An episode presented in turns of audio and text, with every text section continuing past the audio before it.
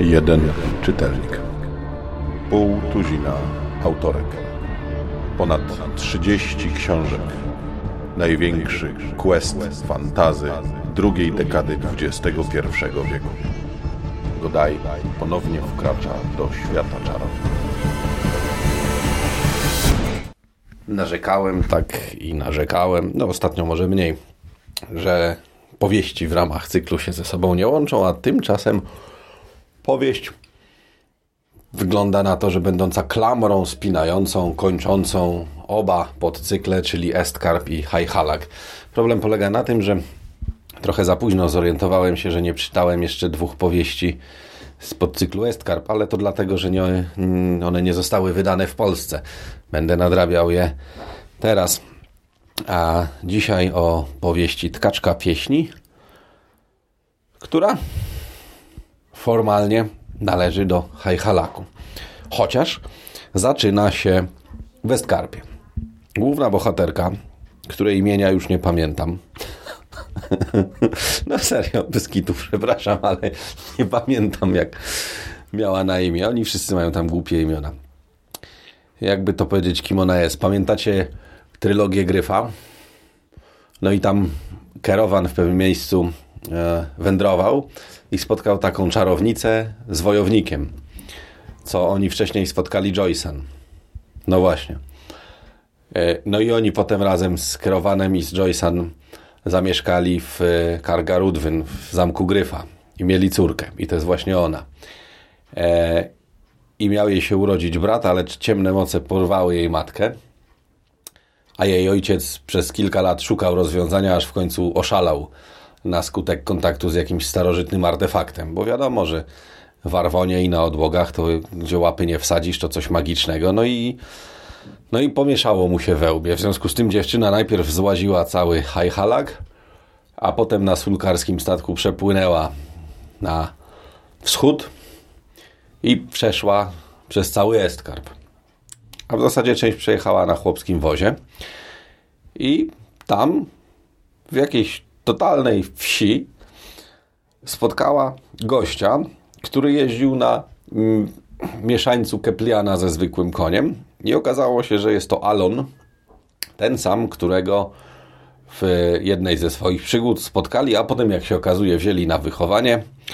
E, córka Tregarta i jego żony, ta, której imienia nie jestem w stanie wymawiać, a brzmi prawdopodobnie jak Kaflia, i adept Hilarion, którego odgrzebała gdzieś za którąś z bram w jakimś starożytnym technicystycznym świecie. No i ta dwójka rusza na wyprawę i oczywiście e, w górach, kiedy w nocy siedzą ni z tego, ni z owego przy ognisku, okazuje się, że pojawia się gigantyczne, straszliwe zagrożenie. Przechodzą przez bramę do Arwonu i jadą na tym Keplianie i na koniec pokonują to zagrożenie. Jest tam w, w ogóle w paru miejscach parę rzeczy, które sprawiają, że miałem e, e, na przykład e, zaklęcie, które powaliło i zniszczyło tego adepta, który uwiódł Tregartównę. Nie będę próbował kolejny raz wymówić jej imienia zostało także rzucone na Kerowana, a Kerowan stwierdził, aha, tupnął kopytami i było po wszystkim.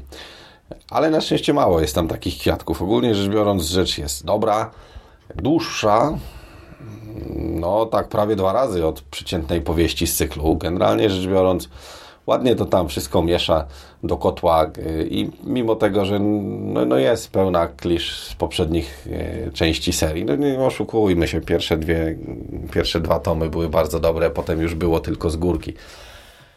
Y, na to, że to się troszkę mniej sztampowo i trochę lepiej czyta, ma może wpływ to, że współautorką była AC Crispin, która pisała także ostatnią część trylogii Gryfa Trudno powiedzieć, na ile ona była współautorką, a na ile Norton była tutaj po prostu redaktorką i, i gdzieś tam zrobiła drabinki scenariuszowe.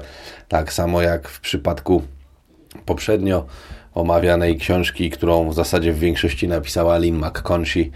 Zresztą McConchy odpowiada także za co najmniej dwie inne książki, więc e, myślę, że będzie jeszcze okazja do tego tematu wrócić. Tkaczka pieśni e, jest fajną klamrą, dobrze to spina. Nie broni się prawie zupełnie jako samodzielna powieść, bo gdyby ktoś e, próbował się przegryźć przez to wszystko, to jest za dużo jednak rzeczy, że tu był ktoś, tu Hilarion, tu tam Tregartówna, kim są Kerowan, Joysan i Jervon i Elis. Ona chyba miała, ta czarownica, ona w ogóle przez te wszystkie lata spała i nie urodziła tego dzieciaka, bo się okazało na sam koniec, uwaga, będzie spoiler, że ten dzieciak jest ostatnim z wielkich, potężnych czarowników, którzy ostatecznie pokonają siły zła w Arwonie.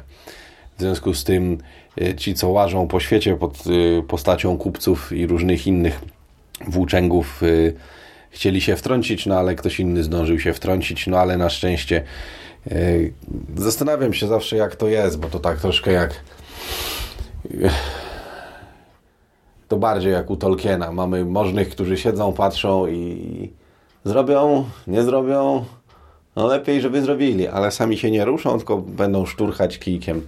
Tak trochę to wygląda. No, nie, nie, dobrze. To jest jak na ten etap y, cyklu y, Świata Czarownic, to jest to powieść stanowczo wybijająca się ponad przeciętność. Takie dobre 5 na 10. Pozdrawiam.